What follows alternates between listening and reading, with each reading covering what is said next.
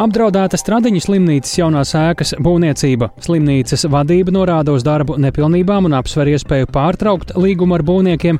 Tie savukārt aicina pagarināt termiņu. Radījumā pēcpusdienas situācija jau pēc brīža skaidrosim plašāk.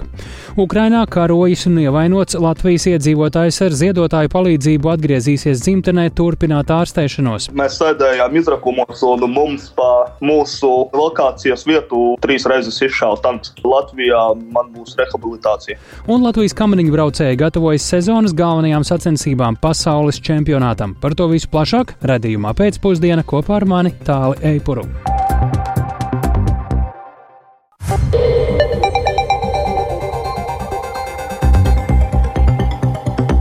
Ir 16,5 minūtes, skan Latvijas radio pēcpusdienas ziņu programma, skaidrojot šodienas svarīgus notikumus studijā Tāles Eipurs. Labdien! Paula Stradiņa Kliniskā universitātes slimnīca varētu laust līgumu ar slimnīcas jaunā korpusa būves, būvnieku uzņēmumu Vēlve. Iemesls uzņēmums nepilda saistības, kavē termiņus un nesniedz uzticams pierādījums par spēju īstenot būvniecības līgumu. Tā ziņo slimnīca. Savukārt būvnieks šodien medijiem paziņoja, ka ir gatavs darbus turpināt, vienlaikus aicinot atbildīgās ministrijas steidzami meklēt risinājumus. Šim tematam šodien sekojas līdz kolēģis Viktors Damidos. Viktor, Pastāsti, kāda šobrīd ir situācija, ja sākumā skatāmies no būvnieku skatu punkta, kādus scenārijus tad viņi redz, ja slimnīca nolems? Laust līgumu un meklēs citus būvniekus? Jā, labdien! Uzņēmuma Velve vadība šodien teica, ka pagājušās nedēļas piekdienā no Stradiņas slimnīcas uh, prokuristes parakst, saņēma pra, parakstītu atteikumu. Tātad tā ir persona, kas veic uh, komerciālus darījumus, un uh, viņi saņēmuši atteikumu Vēlve piedāvātajam lūgumam pagarināt slimnīcas būvdarbu termiņu, kas ir tas mm, tagad noteiktais 1. jūnijas. Un par šādu slimnīcas soli būvnieki ir sašutuši, sakot, ka par termiņa pagarinājumu bijusi appusēja izpratne. Jāņem vērā, ka slimnīca lēmumu, ja slimnīca lēmumu nemainīs, tad vēlvei darbi būs jāpabeidz līdz martam bet jūnijā objekts jānodod slimnīcai, nu, kas visticamāk nozīmē, ka būvnieks nodos nu, nepabeigtu objektu, respektīvi nu, nevarēs pabeigt tik, uh, tik ātri. Un, lai apdraudējumu novērstu, būvnieks šodien apliecināja, ka ir gatavs iesāktos darbus pabeigt 15 mēnešu laikā, tātad līdz nākamā gada pavasarim. Turpina slimnīcas projekta direktors Valdis Koks. Tas, ko mēs jau no pagājušās vasaras informējam pasūtītāju par apstākļiem, kas ietekmē realizācijas termiņu, bet mums ir skaidrs plāns un nepieciešamie resursi, lai objektu uzbūvētu 15 mēnešu laikā no šī brīža.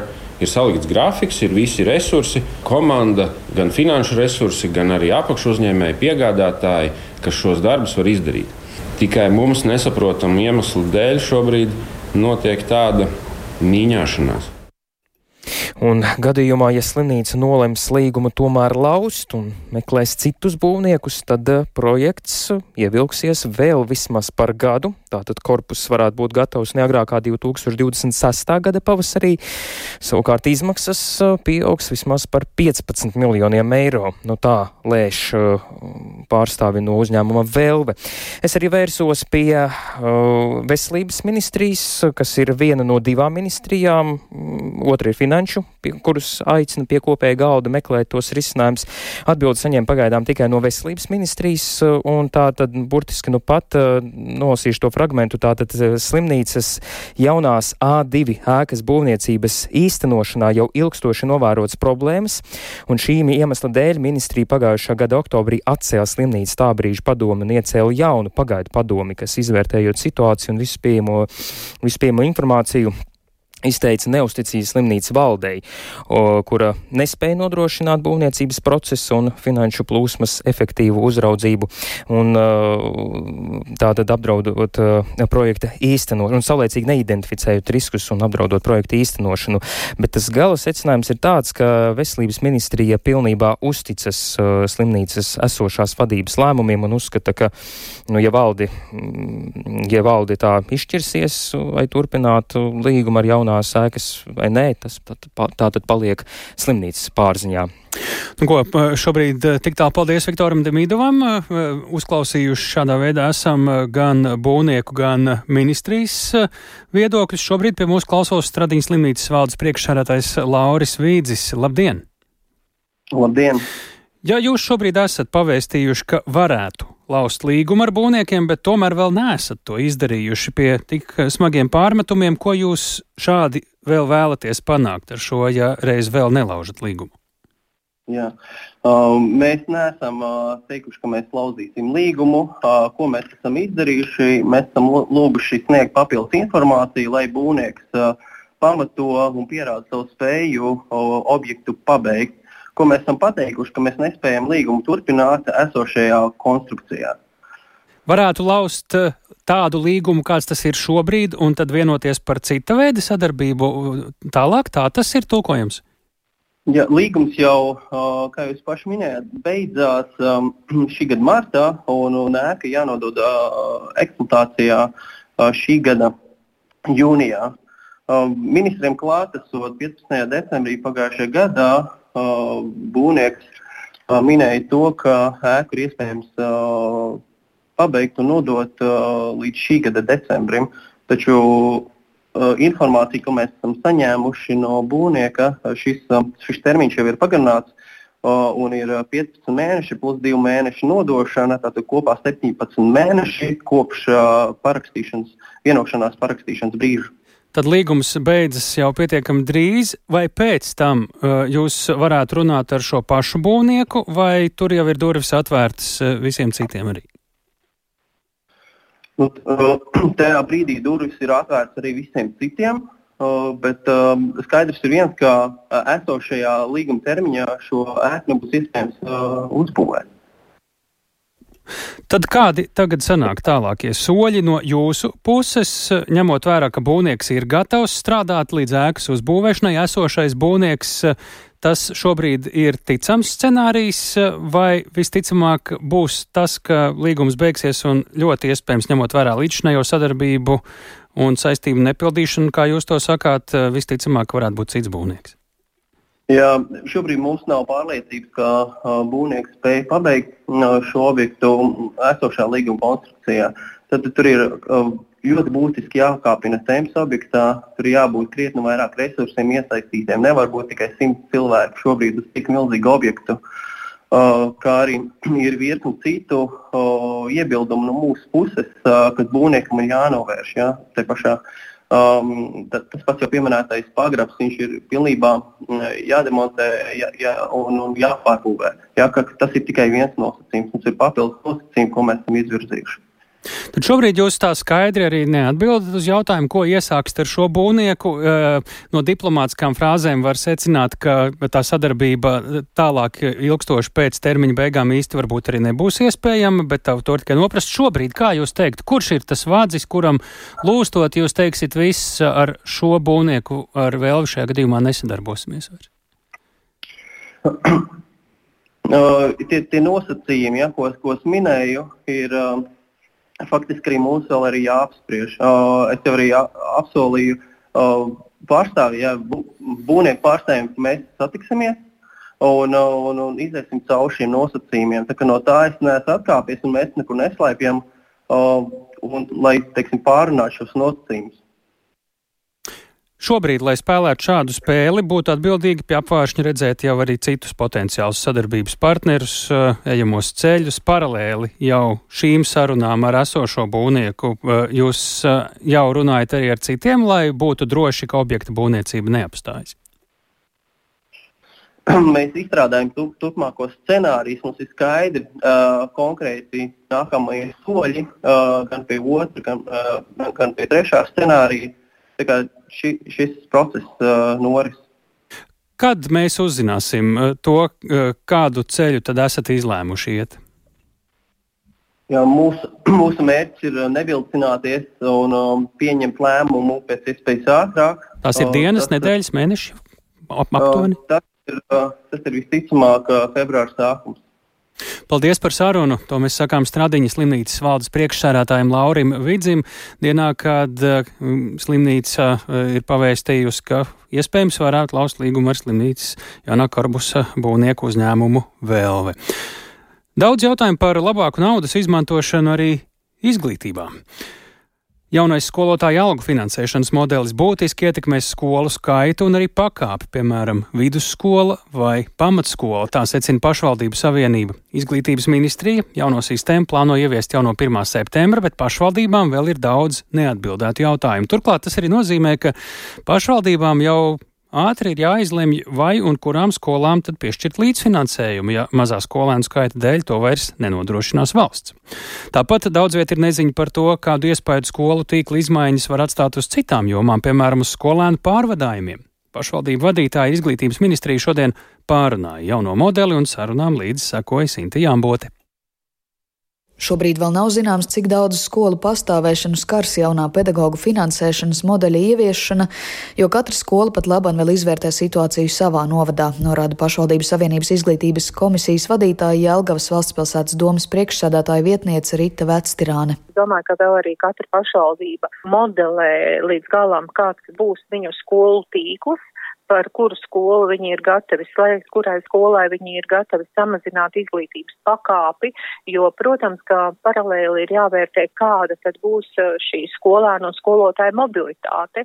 Tāpēc, domāju, līdz pavasarim nu, skaidrs vispār valsts izglītības iestāžu tīkls nebūs.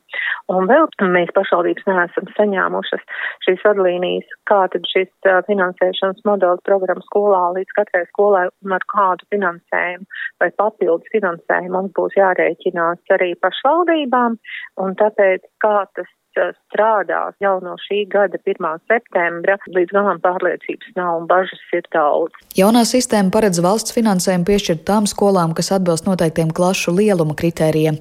Ja skola neizpilda šīs prasības, tad pamatskolu līmenī valsts daļai dotēs skolotāju algas, un pašvaldībām būs jānodrošina arī savs līdzfinansējums, lai programmu turpinātu uzturēt. Savukārt vidusskolu posmā, ja klasēs nebūs valstī noteiktais optimālais bērnu skaits, tad programma pilnībā jāfinansē no pašvaldības naudas. Pašvaldības Savienības izglītības komisijas sēdē Jēkabils novada Aknīstas vidusskolas direktore Aija Vojtišķa vērs uzmanību, ka vietvarām jaunais modelis radīs pakārtotas problēmas saistībā ar palīgu personālu un arī skolēnu pārvadājumiem pēc skolu tīkla pārkārtošanas. Jēkabils novada pašvaldība ir ar milzīgi lieliem attālumiem no vienas apdzīvotas vietas līdz otrai, vēl jau vairāk līdz izglītības iestādēji. Skaidrs, ka pašvaldībai būs jāskatās par transporta plūsmu, bet ir otrā ļoti būtiska lieta. Ja notiek bērnu pārvadāšana, tad uz pašvaldības pleciem, jeb slūgs nāk, vieniem beidzas nodarbības 12 vai 1, otriem tas būs ap kādiem 15. Jautājums par šo bērnu gan pieskatīšanu, gan arī par atbalsta pasākumiem šiem bērniem. Un tas ir jautājums par pagarinātās dienas grupas pedagogu. Savukārt Ķekavas novada izglītības kultūras un sporta pārvaldes vadītāja Linda Zaķa norāda, ka pašvaldībā pat laba norit izglītības izglītības infrastruktūras attīstība, bet vienlaikus pēc jaunā modeļa pedagoģa algu finansējums no valsts plānojams mazāks. Taču pagaidām klases fiziski apvienot nav iespējams pirms izveidotas papildu telpas. Mani dara bažīgu, es pārstāvu Ķekavas novadu, kā pēc jaunajiem kritērijiem faktiski teiksim, nebūs finansējuma no valsts, divas vidusskolas posmus un vienu skolu, kurā ir 4., 5., 6. klase. Tāpat laikā mums nav bērniem, kur mācīties. Mēs prasām valsts kasē aizdevumu, lai celtu jaunas izglītības iestādes, vai šajos pārējais noteikumos tiks ņemts vērā to, ka mēs varam pierādīt, ka mūsu bērniem nav kur mācīties mūsu novadā. Ja pašvaldība var pierādīt, ka mēs augam vai mūsu skolēnu skaits aug konkrētā iestādē. Izglītības ministrija gan norāda, ka atsevišķi tiks izskatīti gadījumi, ja pašvaldības uzrāda izglītojamo skaita pieaugumu un tiks piemērot kādi īpaši risinājumi. Pērn novembrī ministru kabinets apstiprināja ministrijas informatīvo ziņojumu par jauna modeļa izveidi un līdz janvāra beigām plānots pabeigt normatīvu izstrādi, ko sabiedriskai apspriešanai nodos februāra sākumā. Ieviest to plānots jau nākamajā mācību gadā. Sinti Ambote, Latvijas radio. Bet tagad par karu un drošību. Palīdzēt eh, atgādāt uz Latviju kādu 26 gadus vecu vīrieti, latvieti, kurš ievainots karojot Ukrainā. Šāds biedrības mūsu līgsta pārstāvis aicinājums pēdējās diennakts laikā pievērsis cilvēku uzmanību sociālajos tīklos. Kolēģijai Agnijai Lazdiņai izdevās sazināties gan ar biedrības pārstāvi, gan arī ar pašu cietušo, lai noskaidrotu vairāk par notikušo.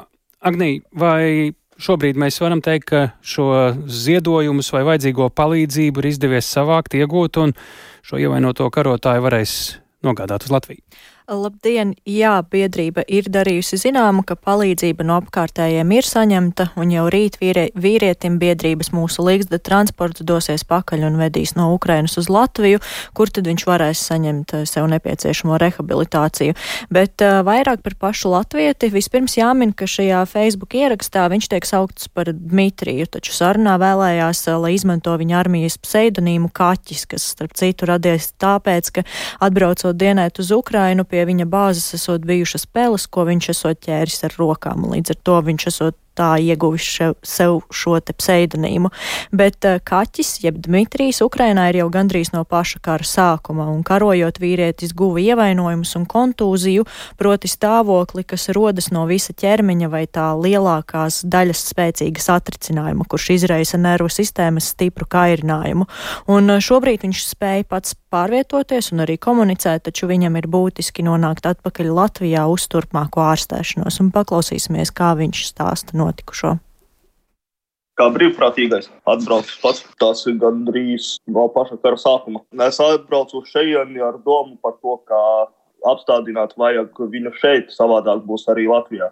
Es visu laiku biju pie Bahmutas. Es biju spēcvienība, īpaša uzdevuma vienība, izrakumu šturmēšana, droni un viss pārējais. Seši mēneši atpakaļ mēs sēdējām izrakumos, un mums pa mūsu lokācijas vietu trīs reizes izšāva tanks. Latvijā man būs rehabilitācija. Divi ar pus gadi rehabilitācija man būs. Um, raksturojot to, kā viņš šobrīd jūtas, uh, Dmitrijs vien noteica, ka visu laiku sāpot galva. Nu, Agnī, cik mēs uh, šobrīd saprotam arī no sarunas ar Dmitriju, uh, viņš ir ievainots nenugluži uh, pašās pēdējās dienās, bet jau kādu laiku. To arī precizēt, pirms cik ilga laika un kāpēc viņš arī sazinājās ar biedrību mūsu līgas Latvijā? Uh, jā, kā skaidro Dmitrijs, tad uh, tas nu, ir noticis pirms pusgada, un kā skaidro biedrības mūsu līgas projektu vadītāja Raina Boguža, sākotnēji ar viņu sazinājusies kāda bēgla no Ukrainas, kas šobrīd dzīvo Rīgā un kas daudz palīdz atbilstot tieši Ukraiņu karavīrus. Tostarp sadarbojas ar pašu Rainu no šīs biedrības, un sieviete esot saņēmusi ziņas par Dmitriju caur saviem informācijas avotiem, avotiem, proti to, kādā stāvoklī viņš ir un ka ir nepieciešama palīdzība, un tāpēc lūdza Rainai, vai ir iespējams nogādāt vīrieti uz Latviju. Un, uh, kad jau biedrības pārstāvi iegoda Dmitrija telefona numuru un viņai bija iespēja ar šo vīrieti pašai sazināties, tad Raina noskaidroja, ka situācija prasot momentālu rīcību, jo tobrīd Dmitrijam vairs nesot bijis, kur palikt, un ja viņš nesaņemtu jebkāda veida palīdzību, tad viņš vienkārši nonāktu jau tajā konkrētajā dienā uz ielas. Un uh, šī, šo dienu laikā ir panākts, ka trīs dienas, uh, proti biedrība nokārtoja, ka trīs dienas uh, Dmitrijam ir apmaksāta dzīvesvieta, viesnīca klusā Harkivas rajonā, kur viņš saņēma gan medikamentus, gan arī pārtiku un visu pārējo nepieciešamo. Paklausīsimies biedrības pārstāvis teikto. Tā kā kaut kas tur ir ar viņa karti, mēs naudu nevarējām pārskaitīt, un arī Ukraiņi nevarēja viņam naudu pārskaitīt, tad uh, Dmitrijam tika aizvesta nauda un iedota konkrēti rokās, lai viņš varētu neko sev neliedzot paēst un nopirkt sev higienas lietas, kas nu viņam ir vajadzīgas. Nu, un tad arī tika konstatēts, ka labāk būtu, ka viņu varētu transportēt tikai un vienīgi ar uh, mašīnām, nevis ar uh, vilcienu. Vilciena kustības un trokšņi varētu viņā radīt, uh, atsaukt atmiņā šīs te karā izraisītās sekas, šīs te kontūzijas sekas. Biedrības pārstāve arī uzsver, ka sākotnēji nesot bijis arī tik svarīgi noskaidrot, kas un kā tieši ir noticis ar šo vīrieti, jo svarīgāk bija pēc iespējas ātrāk sniegt viņam nepieciešamo palīdzību. Un jānorāda, ka saistībā ar Krievijas iebrukumu Ukrainā saima jau 2022. gadā pieņēma grozījumus Nacionālās drošības likumā, ļaujot Latvijas pilsoņiem brīvprātīgi uzsākt dienestu Ukrainas bruņotajos spēkos. Tiesa aizsardzības ministrija un Nacionālajie bruņotie spēki pirms iesaistīšanās aktīvā kara darbībā Ukrainā aicina pilsoņus ļoti nopietni izvērtēt savas militārās zināšanas un iemiņas, kuras miera apstākļos ir iespējams iegūt, uzsākot dienestu Latvijas bruņotajos spēkos. Paldies, Agnī, par Latvijas bruņotajiem spēkiem mēs arī turpinām. Nacionālajie bruņotie spēki aicina nelemt par izstāšanos no Ottavas konvencijas, kas Latvijai šobrīd liedz izmantot kainieku mīnas. Izvērtēt uh, to uzdevis aizsardzības ministrs Andris Sprūts no partijas progresīvie un bruņoto spēku komandieris ģenerālleitnants Leonīts Kalniņš uzsver, ka šķēršļu veidošana un izbūve valsts aizsardzībā ir ļoti svarīga, tomēr koncentrēšanās tikai uz nevadāmajām kainieku mīnām, kā taktiskā panākuma galveno faktoru, ir vienkāršota pieeja. Tāpat bruņoto spēku komandieris norāda, ka Otavas konvencija neaizliedz prettanku mīnas un no distances vadāmas kainieku mīnas, kā arī citus pretmobilitātes pasākumus, lai apturētu mehanizētu uzbrukumu izmantojot modernas ierīces, un absolūti nav nepieciešams balstīt tikai uz kainieku mīnu izmantošanu mūsu aizsardzības sistēmu, jo kainieku mīnas īstenībā ir maza sastāvdaļa šķēršļu izveidošanā. Un kainieku mīnas neatrisina visas problēmas, kas ir ļoti aktuālas ar taktisko uzdevumu izpildu. Piemēram, viņas nav pret uh, mekanizētajām vienībām.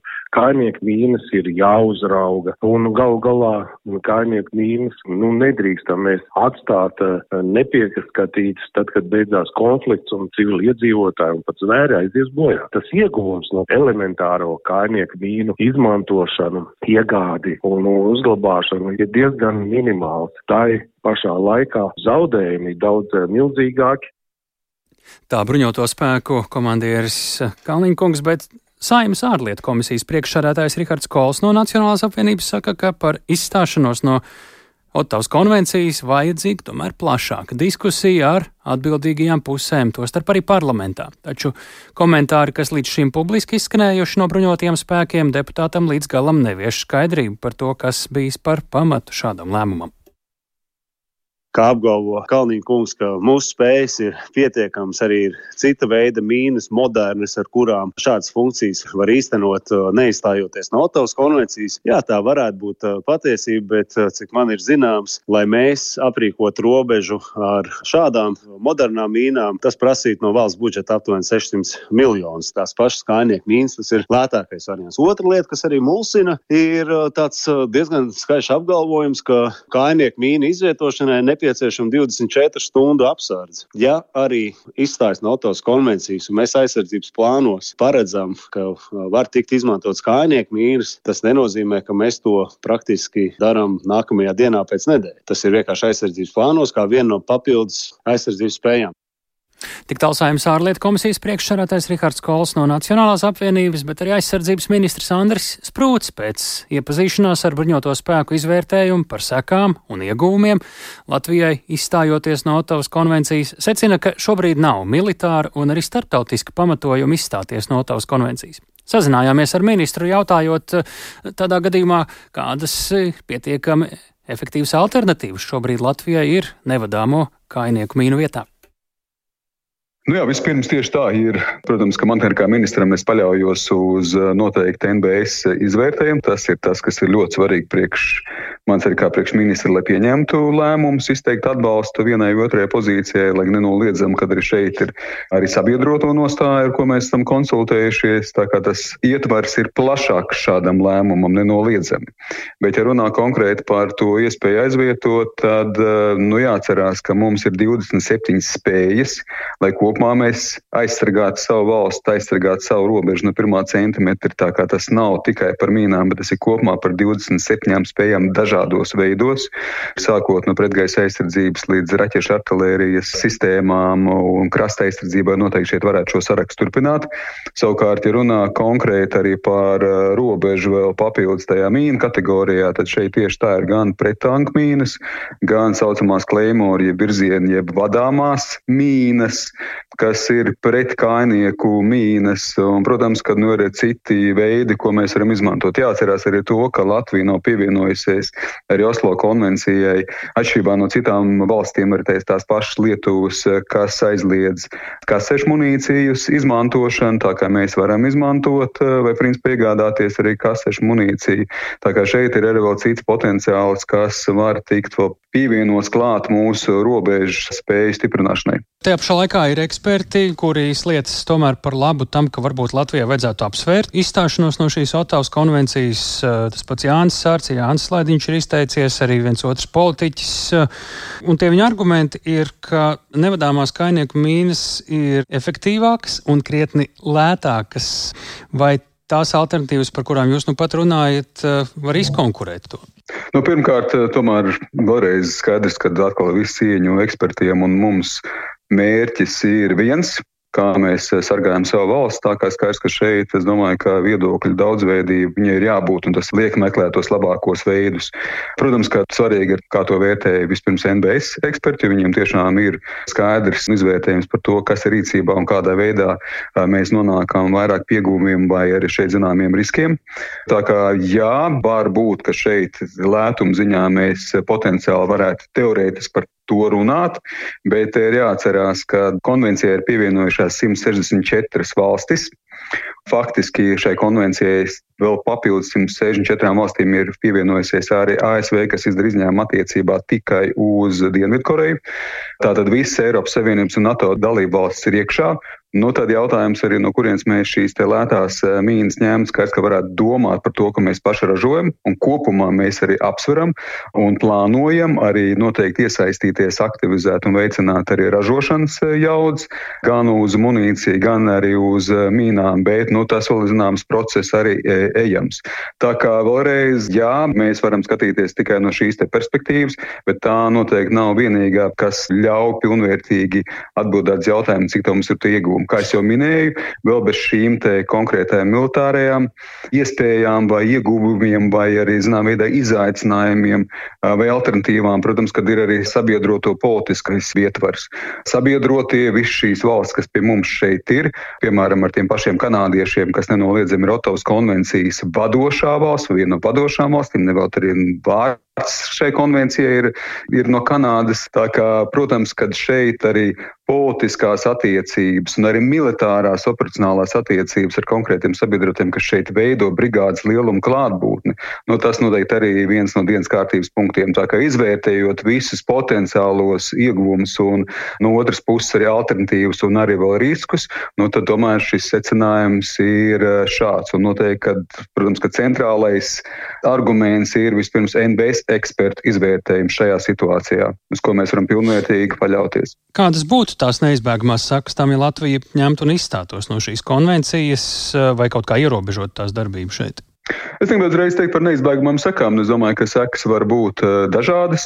Ja mēs runājam tieši par starptautisko dimensiju, tad uh, jā, pēc tām konsultācijām, kas mums ir bijušas arī ar sabiedrotajiem, tad viens ir tas, ka mūsu pašu kaimiņi, ka šeit ir blakus, arī tur ir bijušas šādas sarunas, bet viņi arī nav nonākuši pie secinājuma, ka izstāšanos no Tavas konvencijas dotu taustāmu rezultātu un ka tur, zinām, veidā tomēr ir šie potenciālie izaicinājumi sekas, respektīvi respektīvi to, ka šeit ir sabiedrotie, kuri neviens šādas mīnas neizmanto, kur noteikti līdzdarbojās arī apmācībās, un, protams, ka mums ir kopīgi arī reģionāli aizsardzības plāni, nu tad te būtu, zinām, veidā arī jautājums par to, vai mums tomēr nesnākt atšķirties arī mūsu pašas militārās taktikas, ka mēs izmanto tos resursus, ko citas valsts, piemēram, nemaz neizmanto. Es negribu, negribētu domāt, ka tas ir kaut kas tāds, kas ir nepārvarams, bet mums noteikti šī sabiedroto pozīciju, motivācija arī ir un iespējas kas ir jāņem arī vērā. Jo, protams, kad arī šeit bez šīs militāra operacionālām aktivitātēm nu, ir arī šis politiskais aspekts par to, ka Latvija izstājoties, nu, mēs būtu vismaz konkrētajā šajā brīdī vienīgā NATO un Eiropas Savienības dalībvalsts, kas būtu ārpus šīs konvencijas. Vienlaikus ir arī gandrīz 3000 cilvēku parakstījuši šo mana balss iniciatīvu, ka Latvijai būtu jāpamet Otavas konvencija, un tur viens no sarunas tematiem ir, ka nu, nevienam no šiem sabiedrotajiem vai tikai retajam no šiem sabiedrotajiem blakus ir Krievija, kas izmanto šīs mīnas. Tieši tāpēc jau var teikt arī, mums ir svarīgi šīs mūsu divas dūres, esot blakus tādam kaimiņam kā agresoru valsts Krievija, ka mums ir gan mūsu bruņoto spēku, militārās jaudas, un vēlreiz atkārtošos, tas ir par 27 spējām dažādās jomās, un savukārt otra mūsu, teiksim, tā dzelzs un efektīvā dūra ir mūsu sabiedroto spēku klātbūtne. Tā kā no tā veidojās mūsu spēks un jauda, lai mēs skaidri pateiktu mūsu kaimiņam agresoru valstī, ka šeit šai robežai pāri nelīst. Ja mēs skatāmies arī par citām valstīm, kas ir arī kaimiņos, kā jau minēju, Polija, Lietuva, Igaunija, Somija, diskusijas ir bijušas, lēmums šobrīd ir no tās konvencijas ārā nestāties. Tā šobrīd aizsardzības ministrs Andris Sprūts diskusijā par to, vai Latvijai nevajadzētu izstāties no Otavas konvencijas, kas aizliedz nevadāmu kainieku mīnu lietošanu. Bet militārā un finansiālā palīdzība Ukrainai, kā arī karš Gazas joslā, to šodien Briselē apspriež Eiropas Savienības ārlietu ministri savā starpā un arī kopā ar kolēģiem no tuvajiem austrumiem. Plašāk par sarunām Briselē gatavs stāstīt kolēģis Rihards Plūmes. Sveiks, Rihard! Pirmkārt, kā jau katrā sanāksmē aktuāla ir palīdzība Ukrainai, par ko šeit šoreiz ir diskusijas tieši? Jā, labdien! Nu, diskusijas eh, par to, kā turpināt un palielināt palīdzību Ukrainai, gan eh, finansiālu, gan militāru, tās turpinās, eh, turpinās jau, protams, diezgan ilgi, kā mēs par to runājam, ne, un ne šajā sanāksmē vien. Un konkrēti par šodien runājot, tad šeit ārlietu ministri Briselē, nu, militārajā ziņā runā par to, ka joprojām kaut vai uz jautājumu zīmes ir tas, vai Eiropā izdosies līdz pavasarim saražot un nodot Ukrainai apsolītos miljonus šāviņus, par ko ir izskanējušas dažādas uh, versijas. Tāpat Eiropai ir jāturpina um, ražošanas jaudu kāpināšana aizsardzības nozarē. Par to mēs runājam arvien aktuālāk arī tepat Latvijā, ko tad mēs ar to plānojam darīt. Un par ražošanas jaudu kāpināšanu arī Par to arī īsi runāja pirms sanāksmes Somijas ārlietu ministre Elīna Valtonen. Paklausīsimies īsi, ko viņa teica.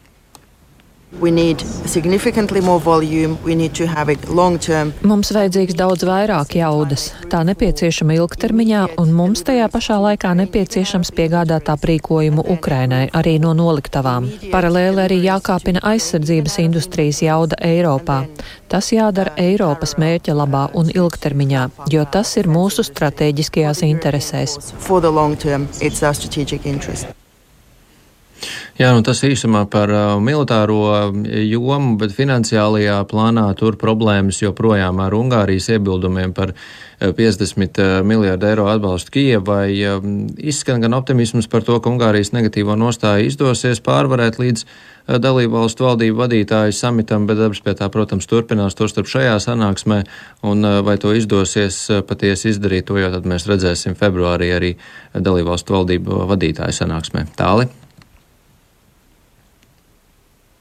Jā, Rihard, es saprotu arī par gāzes joslu. Šodien ir spriests eh, šajā sanāksmē, jo, kā minējām, tur arī piedalās eh, kolēģi no tuviem austrumiem. Jā, nu tas ir eh, būtībā uzmanības centrā šodien, ja runājam par šo te sanāksmi, tieši jautājums par tojiem austrumiem un karu gazas joslā. Šim tematam ir pievērsta šķietam lielākā uzmanība un arī kaut vai tādēļ, ka Briselē ir ieradies Arābu valstu līgas ģenerālsekretārs, arī Saudarābijas, Eģiptes, Izraēlas un Palestīniešu pašpārvaldes ārlietu ministri, un ārlietu padomas laikā arī neformāla ārlietu ministru tikšanās ar Eģiptes ārlietu ministru Samehu Šukriju arī dzēn gaidāma. Visu šo personu klātbūtni Briselē norāda, ka šis temats ir nopietni apspriežams un mērķis ir izdarīt spiedienu uz Izraelu no Eiropas Savienības puses un arī no šo partneru puses, kas šodien ieradušies Briselē, jo pēdējās dienās galvenais fokus ir vērsts uz nesaskaņām par risinājumu pēc kara, pēc kara gazas joslā, kāds tas būs. Proti, Izraels premjeras Benjamins Netanjahu ir publiski izteicies, ka viņš neatbalsta divu valstu risinājumu un Palestīnas valsts izveidi.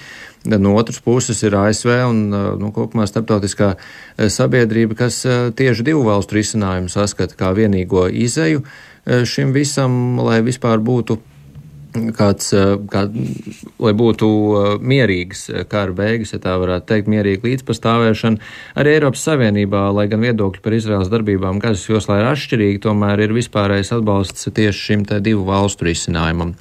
Un diezgan tieši savos izteikumos pirms sanāksmes bija Eiropas Savienības ārpolitikas vadītājs Žuzeps Borels, norādot Izrēlai, ka mieru un stabilitāti nevar veidot tikai ar militāriem līdzekļiem, un par divu valstu risinājumu ir jārunā, patīk tas vai nē. Paklausīsimies!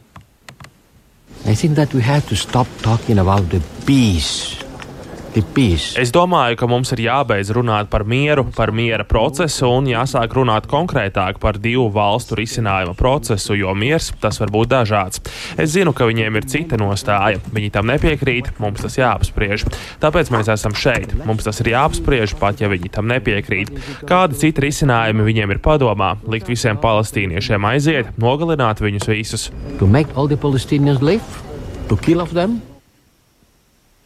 Jā, nu, šāds te viedoklis par to, ka šis divu valstu risinājums ir vienīgais, kas paredz, paredz ir risinājums būtībā izskat no Eiropas Savienības puses, un uz to tiks spiests arī turpmāk, bet Izraela tagad koncentrējas uz ķīlnieku atgriešanu savas drošības garantēšanu. To norādīja Izraels ārlietu ministrs, kurš gan nevēlējās par šo divu valstu risinājumu šodien sanāksmē runāt, bet Eiropas Savienība ir solījusi turpināt no savas puses diplomātiski tomēr uz to spiest, ja tā varētu teikt. Tāli.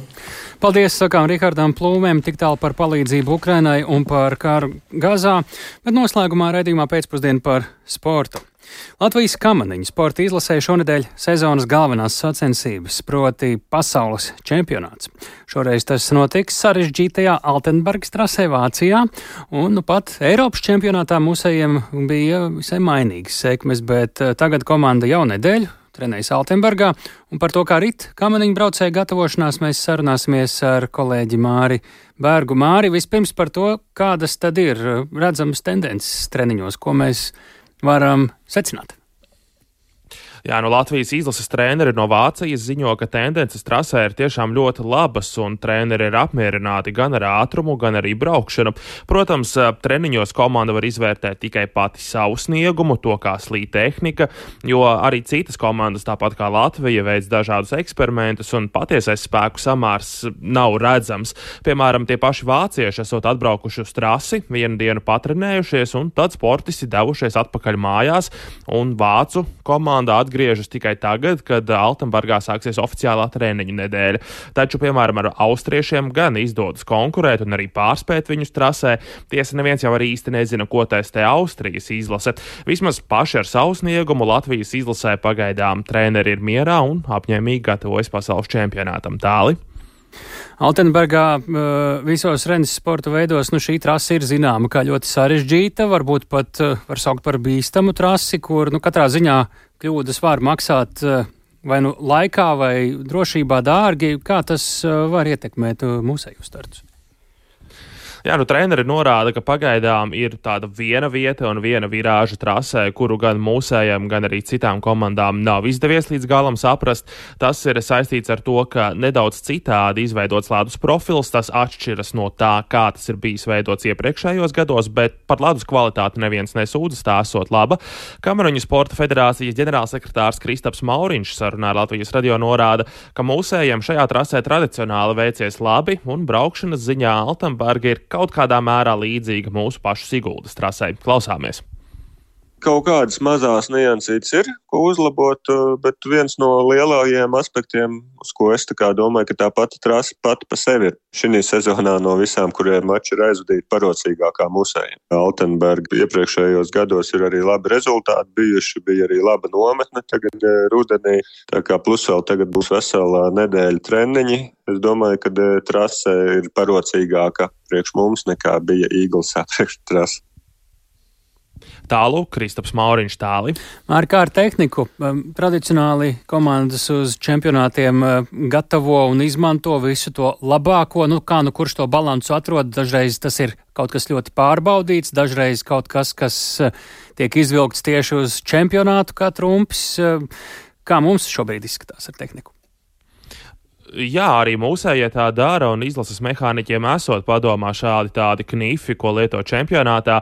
Visu pagājušo nedēļu trasē aktīvi notika testēšanas darbi gan vieniniekos, gan divniekos, izmēģinot dažādas lietas, taču, kā norāda viens no Latvijas izlases pārstāvjiem Daniels Fogelis, Vācijā šobrīd pamainījušies laikapstākļi, proti pagājušajā nedēļā bija diezgan augsts, bet šonadēļ laikapstākļi jau tur kļuvuši siltāki. Bet šajos sporta veidos, tātad, kā zināms, kas labi strādā augsts, augstumā var nestrādāt siltākā laikā. Klausāmies Daniela Fogeli par tehnikas niansēm. Kaut kādas lietas, protams, ka esam izvilkuši ārā, kaut ko testējam, skatāmies, kā iet. Mēģinām atrast joprojām to perfekto salikumu sacensībām, un es domāju, ka arī atradīsim. Jo šobrīd arī ir tā atšķirība, tāda vispagājušā nedēļa bija diezgan liela mīnus. Nu, cik liela mīnus? Mīnus 6, mīnus 7. Lētas arī bija daudz cietāks, un sākot ar šodien ārā jau ir plusi un uz sacensībām arī solās plus 4 grādi. Tā kā mazliet tas, ko mēs testējām pagājušo nedēļu, varbūt pamainās, bet uh, kopumā es domāju, ka būsim atraduši to perfekto salikumu. Jā, nu sacensības Altenburgā tātad sāksies piekdiena ar sprintu, bet nedēļas nogalē jau visi ierastie starti brauks gan viennieki, gan arī divnieki. Nu, un, protams, arī vienmēr aizraujošā komandu stāfete, mm -hmm. kur, protams, Latvijas izlase cer cīnīties par augstiem rezultātiem. Nu, vēl pāris vārdos, tik tālu par pasaules čempionātu, tātad Siguldā, kad varam gaidīt augstu līmeņa kamaniņniekus? Jā, pasa pasaules kausa pēdējie divi posmi notiek Siguldā. Pirmais no tiem februāra pēdējā nedēļas nogalē, otrais marta pirmajā nedēļas nogalē. Tā. Paldies Mārim Bergam. Tātad šīs nedēļas nogalē pasaules čempionāts kamaniņu sportā. Šīs bija ziņu raidījums pēcpusdiena, un to veidojām mēs Tāls Eipurs, Ilza Agīnta, arī Renārs Šteimanis un Toms Šupeiko. Ja vēlties šo pārraidi klausīties sev ērtā laikā, tad ņemiet Latvijas radio mobilo lietotni, meklējiet dienas ziņas. Tiekamies rīt pēc ziņām četros un piecās.